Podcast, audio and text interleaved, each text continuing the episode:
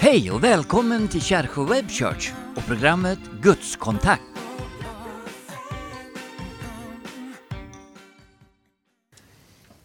Hej och varmt välkomna till Kärsjö Web Church och vårt program, eller vår programserie kan man säga, som vi kallar för Gudskontakt.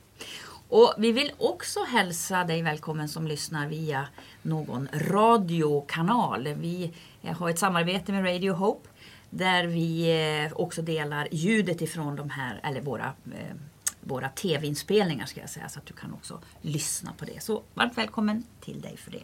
Vi, vill man se vilket program som kommer framöver så kan man gå in på Världen Idags hemsida. Och där på, på toppen har vi alltså, vad kallas det för banner? Va? Ja, varje fredag och lördag så lägger vi upp eh, lördagens program och vilket tema det är i Gudskontakt. Så det kan man hitta då på Världen Idags hemsida. Våran pappa, Erik Gunnar Eriksson, han skrev en bok. Han skrev alltså eh, sina memoarer i slutet av, av sitt liv. Och eh, den boken, Lennart, den har vi ju gjort en ljudbok på. Och visst erbjuder vi den? Ja, visst.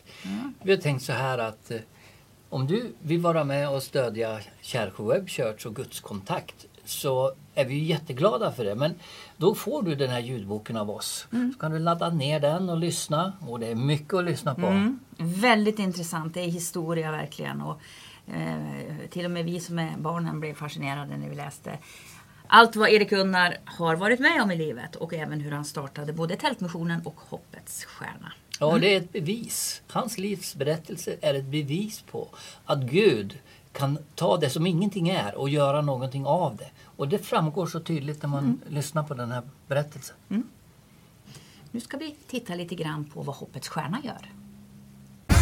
Tältmissionens Erik-Gunnar Eriksson upplevde Guds kallelse när han för 50 år sedan mötte ett döende barn i Brasilien. Då föddes Hoppets Stjärna som ger hopp, utbildning, mat och framtidstro till barn i fem världsdelar. Genom samverkan med moderorganisationen Tältmissionen får de och deras föräldrar också ta del av evangelium. Var med och förändra världen, ett barn i taget. Bli månadsgivare i kvällens program sätter vi återigen fokus på ämnet Är Bibelns skapelseberättelse relevant och trovärdig? Det här är en serie program som har blivit väldigt uppskattade av våra tittare. Och det är en fråga som vi brottas med hela tiden. Att inte bli respekterad för att man tror på Bibelns skapelseberättelse. Och det är Jan-Olof Sundin som kommer att fortsätta. Och vem är Jan-Olof Ulrika? Jan-Olov, han är eh, från Sundsvall. Han är bibellärare i olika ämnen. Och sen är han dessutom vår ljudtekniker här på Kärsjö Web Church. Så det känns ju väldigt speciellt att han är med oss. Det är Gunnar Johansson och Jan-Olof Sundin som samtalar. Men innan vi lämnar över till dem ska vi lyssna på en sång.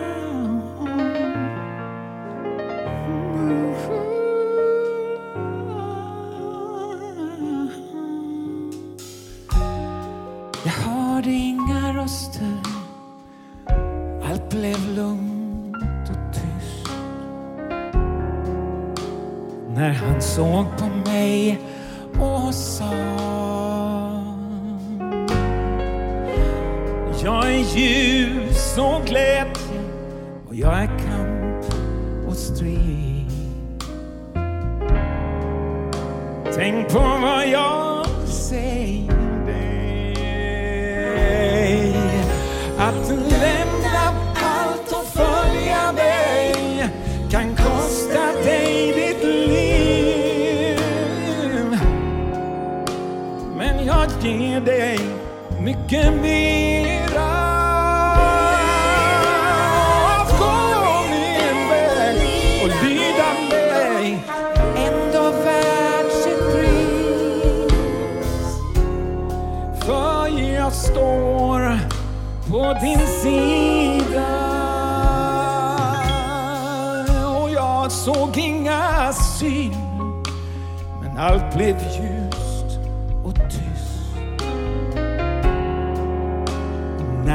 visade min väg Du får livets mening men ditt kors kan bli tungt. Tänk på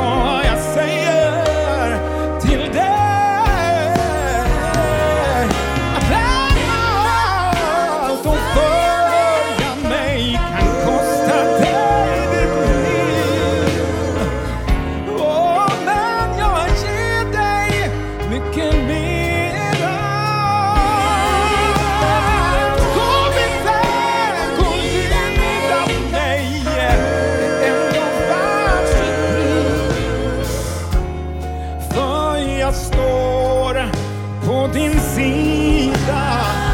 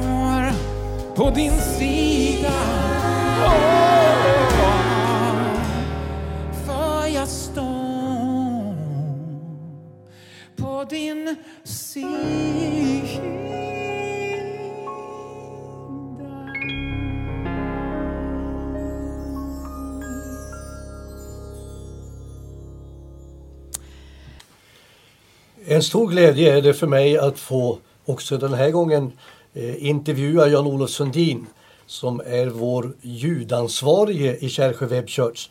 Men eh, som redan Lennart har sagt och nämnt så har Jan-Olof lite andra strängar på sin lyra. Han är med och undervisar och han medverkar även i olika kyrkor som eh, man skulle kunna säga bibellärare.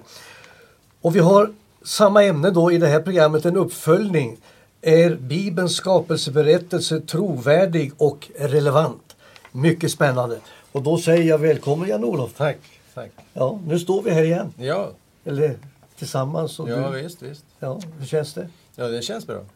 Jag tyckte det var så inspirerande att lyssna på dig förra gången du medverkade under, den här, eh, under det här temat.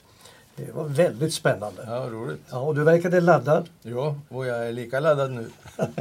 Ja, det är bra.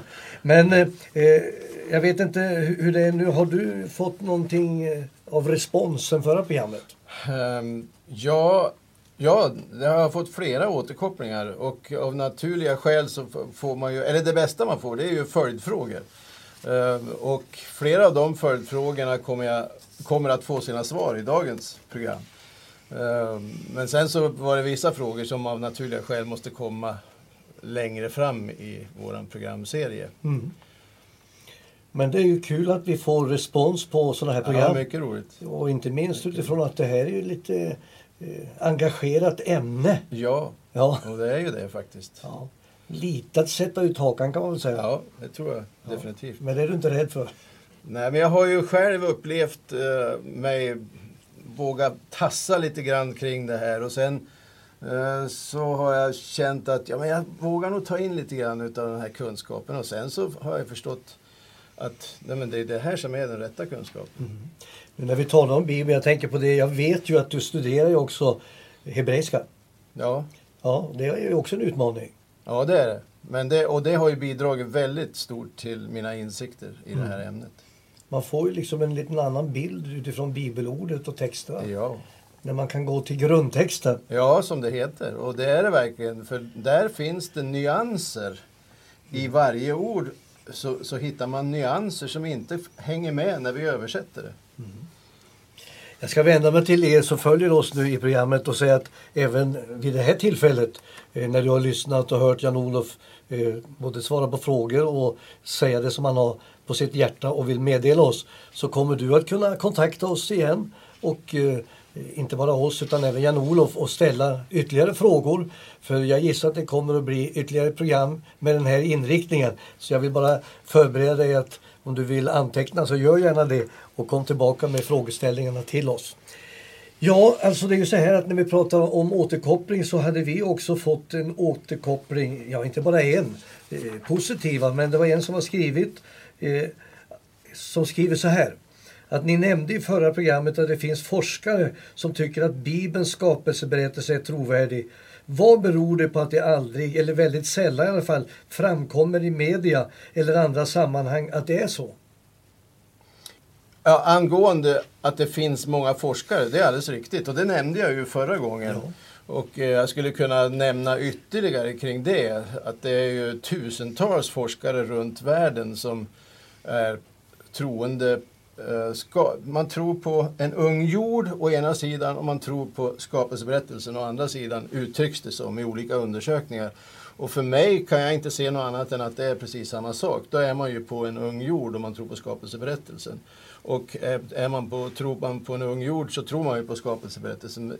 Med risk för att det kan finnas någon nyans där. Någon, så, men i alla fall så är det så i, i två olika undersökningar från 2005 och så en senare, inte så länge sedan.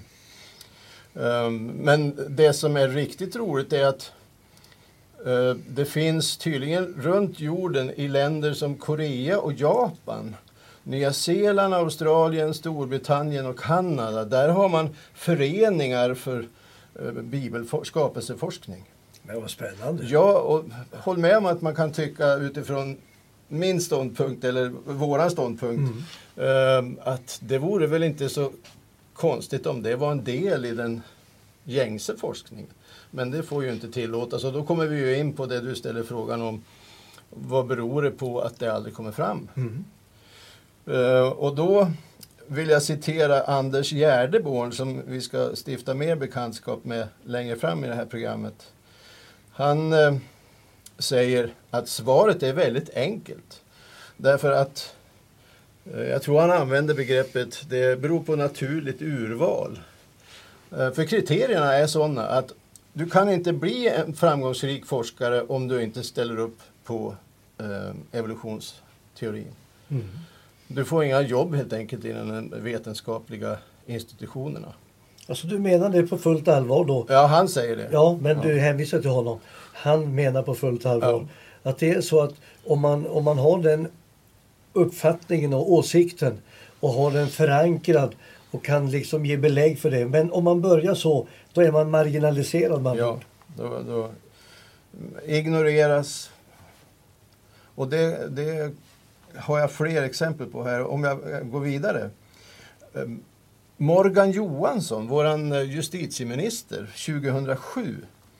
Han skriver då ihop ett dokument som har rubriken The Danger of Creationism in Education.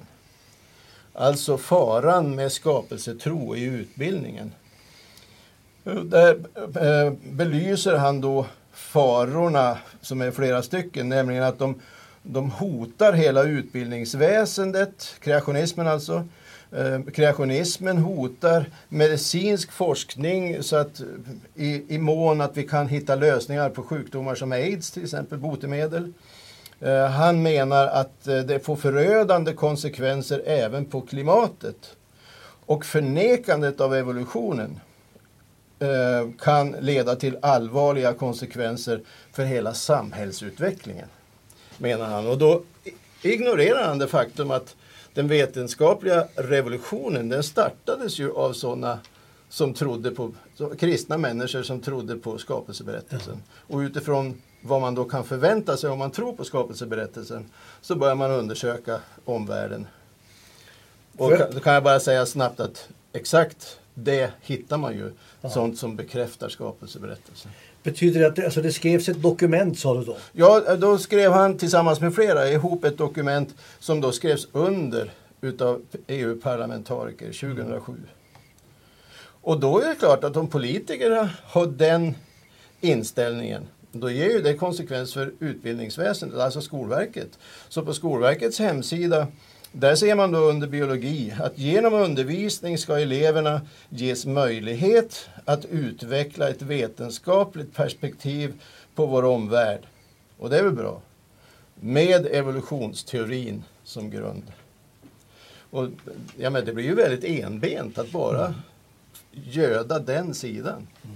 Ja, jag vill bara uppmana igen att när du är med och lyssnar nu till Jan-Olof och oss här så passa på att anteckna nu om du vill komma igen med uppföljande frågor. För det här är ju så oerhört spännande. Och jag tycker det är så bra att Jan-Olof hänvisar till olika saker som gör att det här är liksom förankrat. Men om du nu själv sitter med någon frågeställning, skriv gärna ner det och kontakta oss så kommer det att finnas med i en eh, annan uppföljning i ytterligare ett program. Men jag får ta en fråga till här eh, som jag fick in. Eh, Kan du, Jan-Olof, ange orsaker eller brister som gör att man har anledning att ifrågasätta Big Bang och utvecklingsläran? Det man får lära sig i dagens skola. Ja, men absolut. Det är bara det att då har ju eh, Skolverket har ju då dessutom uppmärksammat eh, hinder för inlärande, emotionella hinder. Man lyfter fram ehm, exempel på emotionella hinder för lärande. Det är då till exempel um, ett sådant hinder kan vara tron på en god gud som gett människor en odödlig själ som lever vidare efter att personen har dött. Och det är ju ett underbart budskap. Om det ställs mot en världsbild där mänskligheten kan framstå som ett obetydligt fenomen i ett likgiltigt universum, vilket ju blir konsekvensen av evolutionsteorin, så kan detta försvåra accepterandet av evolutionsteorin. Och då eh, hänvisar man på Skolverkets sida där att till, eh, man länkar till amerikanska eh, samtal om lösningar, strategier för att komma till rätta med det här hindret. Och ett, en strategi det är detachment, heter det, att man frikopplar eh, som, som troende, så, som kristen, så tror jag ju att mitt medvetande det är förknippat med ande. Eh, livsanden som Gud blåste in i mig, eller i Adam. Eh, medans evolutionsnaturalisten, så att säga, evolutionsläran menar ju då att det är, det är bara i hjärnan elektriska impulser och kemiska substanser. Eh, så det är klart att det blir ju ett problem. Eh, men då har de en strategi till och då kommer vi tillbaka till vad Anders Gärdeborn säger.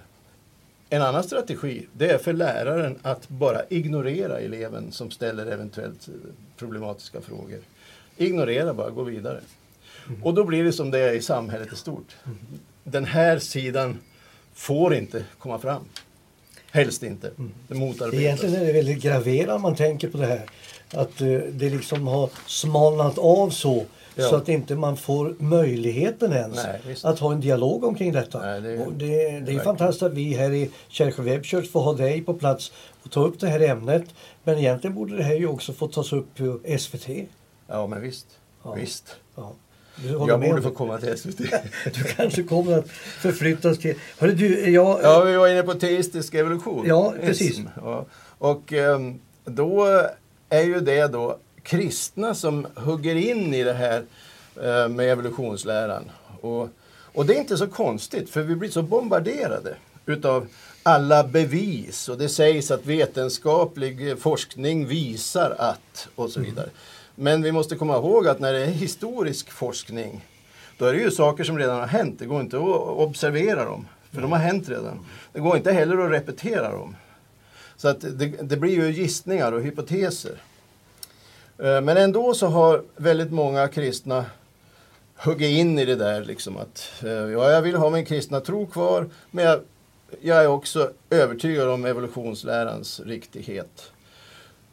Eh, och då, för, tidigare så hette den gruppen ehm, kristna darwinister. Och jag menar, det, det är ju på konfrontationskurs, kollisionskurs heter det, de två tro, formerna av tro. För tro är ju väldigt mycket i den andra också, eller det är ju tro i det andra också, för det finns inga absoluta bevis. Ehm, och det som är grejen då med teistisk evolutionism, det är att ehm, evolutionsteorin, den är odiskutabel. Vad blir det för konsekvens då? Jo, då måste ju Bibeln ge vika. Eh, alltså till exempel skapelseberättelsen, men mer. Uppståndelsen, jungfrufödseln, uppståndelsen och så. Eh, och då kan man ju faktiskt se att då har vi bytt ut den högsta auktoriteten, Guds ord, är inte längre den högsta auktoriteten, utan det är evolutions, det är människors ord. Som då väger så att vi ändrar vår läsning av Bibeln. Och, det, och där placerar du alltså te, teistisk evolutionist att vara det. det. Det är det du på det här sättet markerar nu. Ja, absolut. Och man kan också se hur, hur det blir fel på flera punkter. Därför att Bibeln säger ju att Gud skapade på sex dagar och sen så har inte Gud skapat något mer. Utan då är det klart. Därefter så upprätthåller Gud sin skapelse. Men evolutionsteorin den säger ju att det är något som fortgår. Eh, Så det går ju stick i stäv mot Bibeln. Bi- Den säger också att vi kan inte bevisa Gud, vi kan inte se Gud i naturen. Medan Romarbrevet säger faktiskt till och med att Tvärtom. Gud håller oss ansvarig när vi inte ger Gud tillbörlig ära i det avseendet. I Romarbrevet. Jag, jag tror ju till och med att, ursäkta mig nu, men att det till och med står att det kan ju alla se. Ja, visst. Eh, Så att man kan inte ens eh, ursäkta sig. Det har varit uppenbart ända sedan... Ja. Ja. Begynnelsen. ja. Ja. Nej, det finns faktiskt till och med de som menar att ur en eskatologisk synpunkt så kan teistisk evolutionism mycket väl komma att utgöra den vetenskapliga aspekten av en kommande antikristlig världsreligion. Och det är ju allvarligt. Ja, det är allvarligt. Men du, eh, nu är det ju så här att nu ska ju du få tala fritt. Sen har du lite böcker här också som ligger på bordet. Eh, kommer du in på det sen? Ja, Men eh, alltså jag är glad att jag får ställa mig frågorna. ja men visst. Och jag är glad att du har ställt dem. Ja, och, och jag tycker att eh, det är så bra med de här utförliga svaren. Ja. Därför att det gör ju att det blir tydligt för oss alla. Och även nu för er. Jag har ju uppmanat nu att eh, passa nu på att anteckna och eh, lyssna noga nu när Jan-Olof Sundin fortsätter. Så får du gärna återkoppla till oss. Men nu låter jag dig få ta över. Jag Mm. gör det med stor glädje. Tack. Tack. Eh, Jag kan inte hjälpa att jag jag citerar Anders Gärdeborn lite grann nu och då. Eh, och vi ska strax ta del av en eh, kort intervju där han blir intervjuad om vem han är och han förklarar väldigt kärnfullt var han står någonstans i de här um, ämnena, i det här ämnet. Uh, och han får själv presentera sig i det programmet så jag ska inte göra det här. Men han säger vid ett tillfälle när man tittar på de här ämnena så, så känner han sig som den här lille gossen i H.C. Andersens saga om kejsarens nya kläder. Den här gossen hade ingen prestige att förlora så han vågade faktiskt säga vad han såg, att kejsaren hade inga kläder. Och så känns det för mig när jag nu har tittat in i de här um, Big Bang, livets spontana uppkomst, uh, utvecklingsläran. Att det finns inga riktiga kläder där att ta på sig faktiskt. Det håller inte. Nu har jag ju inte gått igenom det någon noga, men jag avfärdar det bara rätt upp och ner. Blir det en lång programserie detta så då kommer vi att ha tillfälle att gå in på de sakerna väldigt mycket mer i detalj. Därför att när jag avfärdar till exempel evolutionsteorin och påstår att det, det vi hittar i fossilt och så vidare, det bekräftar skapelseberättelsen. Eh, så finns det ju naturligtvis räddningsmekanismer från andra hållet. Ehm, men den här boken, den ska ni läsa. Eh, den tar upp på, på punkt, fossil efter fossil så att säga, i detalj. Om Lucy och ja, den kanske mest kända fossilen, Lucy. Eh, och så vidare. Eh, de har på Genesis där Anders Gärdeborn, jag kan lika gärna ta den här boken också på en gång. Eh, där Anders Gärdeborn jobbar. Eller han jobbar egentligen som IT-tekniker eller något i den stilen. Eh, men han på sin fritid så är han engagerad i Genesis. Och där sysslar man med det vi pratar om här och nu. Och den här boken är skriven av flera författare där han är en av flera författare. Den är mycket intressant att läsa och, och lite grann av det som sägs i den boken är vad jag har sagt här också. Men nu ska vi lyssna på Anders Gärdeborn. Vem är Anders Gärdeborn? Anders Gärdeborn jobbar med IT och eh, på fritiden jobbar jag med föreningen Genesis och eh, vill eh, stärka skapelsefrågan i Sverige. Och eh, det är vad jag gör. Du frågar vem jag är. Jag är efterföljare till Jesus Kristus. Jag har alltid varit intresserad av naturvetenskap. Eh, Jag blev kristen 75. Jag kanske inte så mycket på det i början men, men det här med evolution blev mer och mer ett skoskav tyckte jag nog. För att, och framförallt den fossila ordningen tyckte jag nog bevisade evolutionsläran. Och eh, jag ville ju liksom inte logga ur hjärnan för att vara kristen utan jag ville ju, eh, jag ville ju så att säga ha förnuftet med mig. Och att förena evolutionsläran med, med Bibeln det har jag aldrig fått att funka. Så att eh, två år efter min omvändelse då, då vi framme i 77, då läste jag den bibliska förklaringen till den fossila ordningen som har med syndafloden att göra då. Och det var en väldig befrielse för mig för att då insåg jag att nu kan jag bejaka mitt förluft till 100 procent och samtidigt tro på Bibeln till 100 procent. Och kortfattat, vilka är dina starkaste argument för skapelse? Eh, det starkaste, det starkaste är nog att vi hittar så mycket design i naturen. Och eh, design finns inte utan en designer. Och då har man ju tidigare trott inom evolutionistiska sammanhang att design skapas genom tid, slumpmässig variation och ett naturligt urval. Men vi hittar ju så mycket som inte går att förklara den vägen. Alltså design som innehåller så många ingående delar så att det går inte att förklara med liksom en, trial, en småskalig trial and error-process. Utan det måste vara någon som har tänkt färdigt från början om man säger så. Eh, så det, är, det främsta är nog designen. Det andra är nog eh, när det gäller argument för, för, för skapelsetron jämfört med evolutionsläran. Det är nog hur naturen är strukturerad, hur livet är strukturerat. Eh, enligt evolutionsläran borde vi hitta sekvenserna i naturen från den enklaste bakterien upp till apan och människan. Men vi gör ju inte det utan hela livet är ju uppdelat i grupper. Eh, Där vi har en variation inom gruppen visserligen men vi har vattentäta skott mellan grupperna så att sekvensen mellan grupperna saknas ju. Då ska man jämföra med Bibeln som faktiskt säger att Gud skapade inom sina grupper.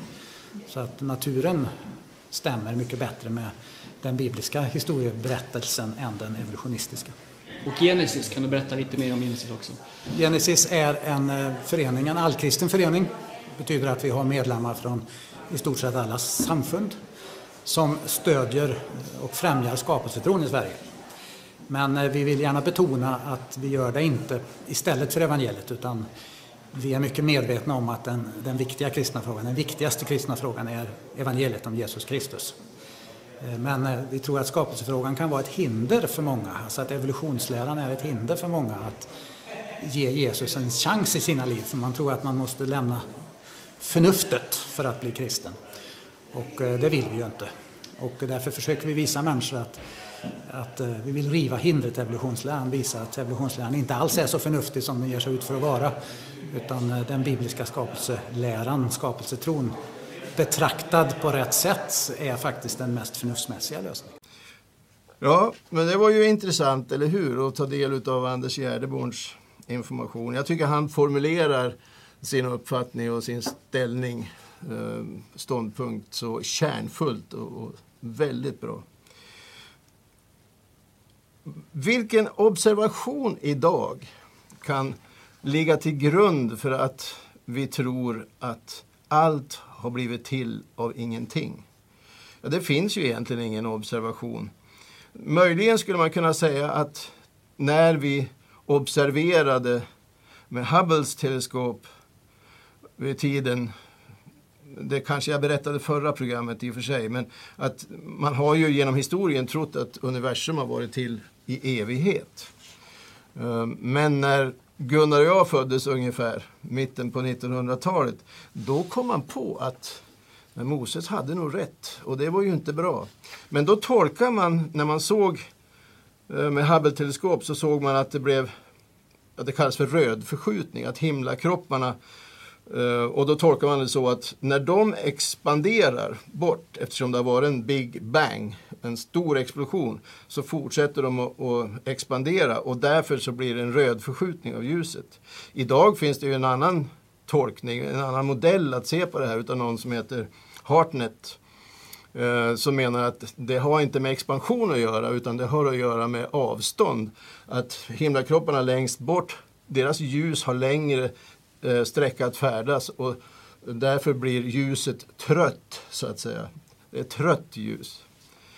Um, men man valde det oförnuftiga. i att tro att ingenting kan generera allting.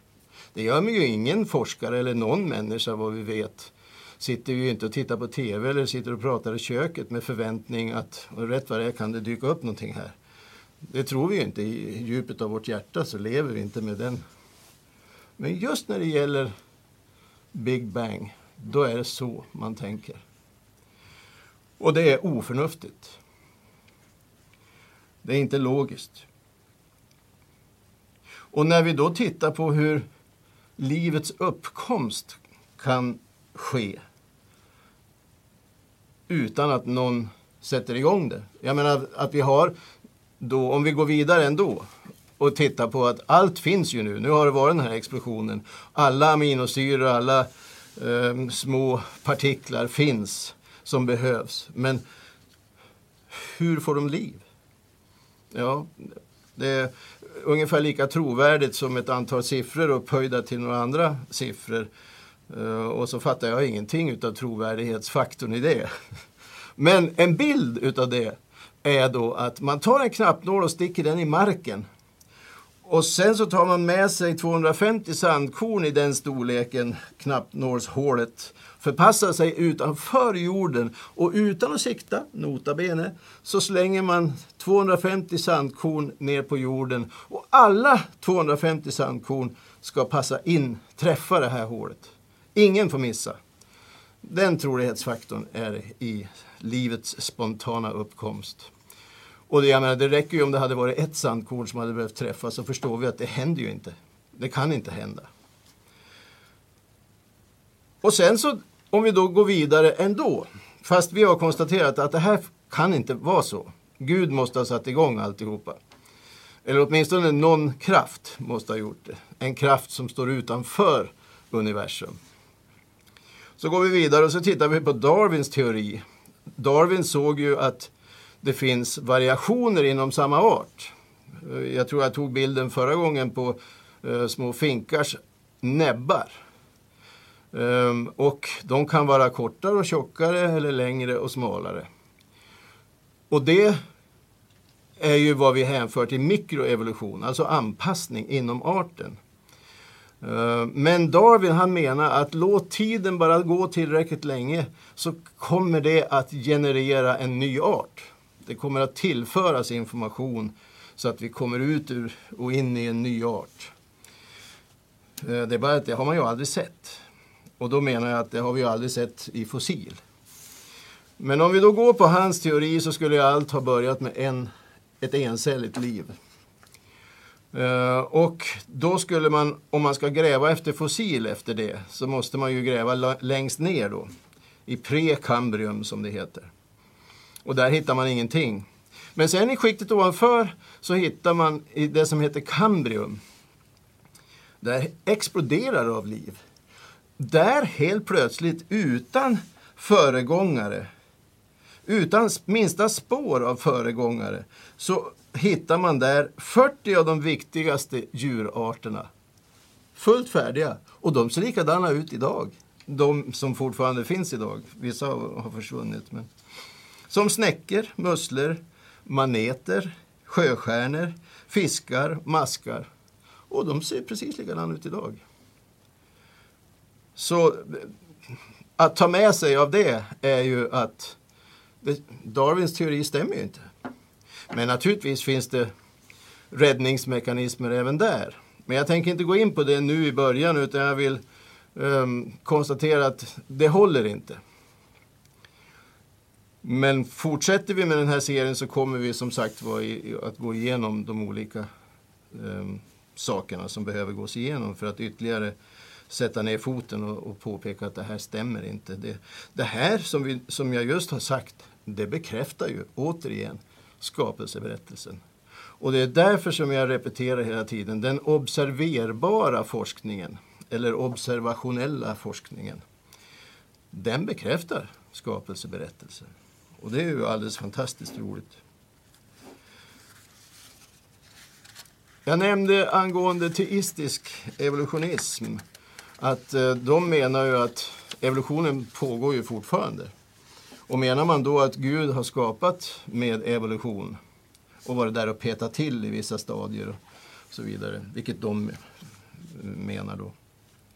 Ja, men då menar man ju också att evolutionen, precis som evolutionsläran lär, eh, Eh, pågår fortfarande. Men så säger ju inte Bibeln. Utan Bibeln säger att på sjätte dagen så hade Gud skapat oss eh, och vi människor som kronan på verket och han såg att allt var väldigt gott. De tidigare dagarna då hade han sagt att det var gott. Men nu så säger han det var väldigt gott. Och då har det slagit mig att det betyder ju att du och jag, vi fanns i Guds åtanke redan där. Gud hade planer för oss då. Fast vi lever så många år senare. Och det är ingen obiblisk tanke. Utan Jesaja, David i Saltaren ger oss precis samma information. Um, Paulus i Efesebrevet, han skriver att vi är hans verk, skapade genom Kristus Jesus till att göra de goda gärningar som Gud från början, från begynnelsen, har bestämt oss till. Det är ju fantastiskt. Och då är det alltså inte gärningar för att vi ska bli räddade, bli frälsta, utan därför att vi har blivit det. Då kommer vi in i de gärningar som Gud från begynnelsen hade planerat för oss. Och vilka gärningar är då det? Ja, i Romarbrevet så skriver då Paulus igen, eh, det är det här stycket som i kapitel 5 som börjar med den som är i Kristus är alltså en ny skapelse. Och så skriver han vidare fram i vers 19. Vi är alltså sändebud för Kristus. Och Gud vädjar till människorna genom oss. Som Kristi språkrör vädjar vi, låt försona er med Gud. Och varför ska vi försona oss med Gud då? Vad är orsaken till vår uppgift? Ja, det är ju synden. Och en av frågorna som jag har fått sen förra programmet är just vad är synd för någonting? Ja, egentligen så är det bara olydnad mot Gud. Ibland har jag hört människor säga att Nej, men jag har väl ingenting att be om förlåtelse för. Det är inte som att jag har mördat någon eller så. Nej, men vad gjorde Adam? Han mördade ju ingen. Han bytte diet kan man säga. Nej, men han åt ju en frukt. Så det var ju inte eh, det vi lägger som vikt i hans synd eh, som gjorde det så allvarligt och drabbade hela mänskligheten och hela skapelsen. Utan det var ju det faktum att han var olydig. Och hur kom det sig att han gjorde det? Jo, han träffade ju ormen. Får vi ju möta där i syndafall, berättelsen om syndafallet. Och ormen, vem är det? Jo, det är ju djävulen. En fallen ängel som har gjort just vad Adam lockades att göra. Uppror mot Gud och bryte, varit olydig mot Gud. Och sagt, jag och Eva, vi vill själva bestämma vad som är rätt och fel. Vad som är gott och ont. Och då måste man väl ställa sig frågan, hur fick ormen över Adam och Eva på sin sida i det här ställningstagandet mot Gud? Jo, han använde, han gjorde en tankebyggnad. Nej, men inte, inte menar Gud så. Gud menar ju att han vill inte att ni ska bli som han och kan, kunna skilja på gott och ont. Det vill han ha för sig själv. Ja. Så åkte de dit på en tankebyggnad. Och vi åker dit på tankebyggnader likadant idag som då. Och då är det så att ormen, djävulen, han vill ju naturligtvis få oss att fortsätta stå på hans sida. Så han har makt att kontrollera människors medvetande. Och han har förblindat de som inte tror. Så det är först när vi tar emot Kristus i våra hjärtan och blir födda på nytt, då kan vi se Guds rike. Då öppnas våra ögon och vi kan se sanningen. Darwinismen är en tankebyggnad. Evolutionsteorin är en tankebyggnad. Big Bang är en tankebyggnad. Och det är ingen överdrift, för det är just vad det är. Det är en hypotes. Vi gissar att det är så och så forskar vi på den tråden. Um, nu så vet jag att det blir åtminstone ett program till i den här serien. Och då tänker jag att jag vill belysa vad får det för teologisk konsekvens om vi som kristna tror att Gud har använt sig av evolutionen och att evolutionen får plats i skapelseberättelsens eh, sex dagar. Vad händer då med våran teologi? Eh, så det vill jag belysa nästa gång. Sen finns det ju stoff att fortsätta hur många program som helst. Men många av de programmen skulle kunna lätt bli alldeles för jobbiga. Kanske, då tittar jag på Gunnar som sitter här bredvid. Eh, men vi får se hur det blir med det. Men nästa program som jag kommer att delta i, då vill jag bena upp det där med vad händer när vi bjuder in evolutionsteorin i skapelseberättelsen. Nej, men det här är ju spännande Jan-Olof. Eh, jag måste säga att jag är fascinerad när jag sitter här och lyssnar på dig därför att eh, du är både påläst, du hänvisar ju till sånt som ingen kan egentligen förneka. Ja, det är klart man kan förneka. Man, man kan ju förneka vad som helst. Men den som verkligen vill veta hur saker ligger till och hör dig eh, måste ju tycka att det här är spännande. Och jag hoppas att ni nu som har lyssnat på programmet och på Jan-Olof också kommer att fortsätta. Det kommer att bli uppföljning på detta. Kan tänkas att vi till och med utökar så att Kärrsjö Web Church kommer att sända kanske ytterligare ett program, ett program med fördjupad undervisning. Men eh, jag vill säga verkligen tack till dig Jan-Olof för att du eh, har tagit dig tid att ta reda på eh, briljant meddelande till oss övriga Tack. som kanske inte är lika insatta. Men eh, det är ju ett starkt vittnesbörd om att Bibeln den håller att tro på. Den är både relevant och trovärdig. Ja, det är det. Ja. det, är det. De här böckerna de visade du tidigare va? Ja, eh, de hoppas jag att ni har sett i, i rutan. Så att, Ja. Men på det sättet säger vi tack till dig nu och önskar dig allt gott även som vår ljudansvarige. ja, tack. Ja, tack. Ja, ett stort tack till Jan-Olof Sundin. Så intressant att få lyfta de här frågorna och det är ju alldeles tydligt att Jan-Olof är påläst och han vet vad han pratar om. Och det här med skapelseberättelsen, den är så oerhört viktig. Och jag vet att våra ungdomar som växer upp i församlingarna, allt för många tappar den kristna tron när man kommer till universitetet. Där man fullständigt blir utan argument om en klassisk skapelsetro. Det vill vi vara med och göra någonting åt. Vi ber tillsammans. Himmelske Fader, jag tackar dig för att vår älskade Jesus skapade himmel och jord och gjorde till en, den till en underbar plats att vara på. Tack att du har varit med oss under alla tider från begynnelsen. Tack för att du är trofast, du är full av kärlek och nåd. Jag ber speciellt nu för alla dem som har hört detta budskap. Att de ska våga börja gräva i och lära sig om den klassiska kristna skapelseberättelsen. Och jag ber för var och en som funderar på det här i sina liv, Herre, att du ska vara med och hjälpa dem genom din heliga Ande, vara med och ge signaler om att du är den du säger dig vara. I Jesu namn. Amen. Ett varmt tack till dig som har tittat på vårt program Gudskontakt. Och gå gärna in på vår hemsida www.taltmissionen.se. Där kan du dels hitta tidigare program och du kan dels vara med och stödja vår verksamhet genom att bli månadsgivare. Och som vi pratade om innan Lennart, då får man också ljudboken eh, som eh, ja, memoarerna helt enkelt. Vår fars Ja. memoarer. Ja. Just det.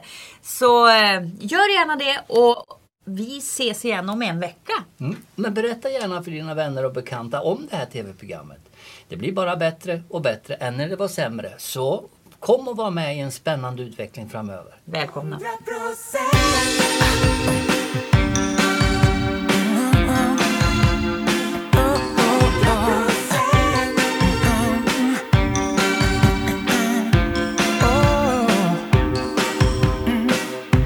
Jag ville bara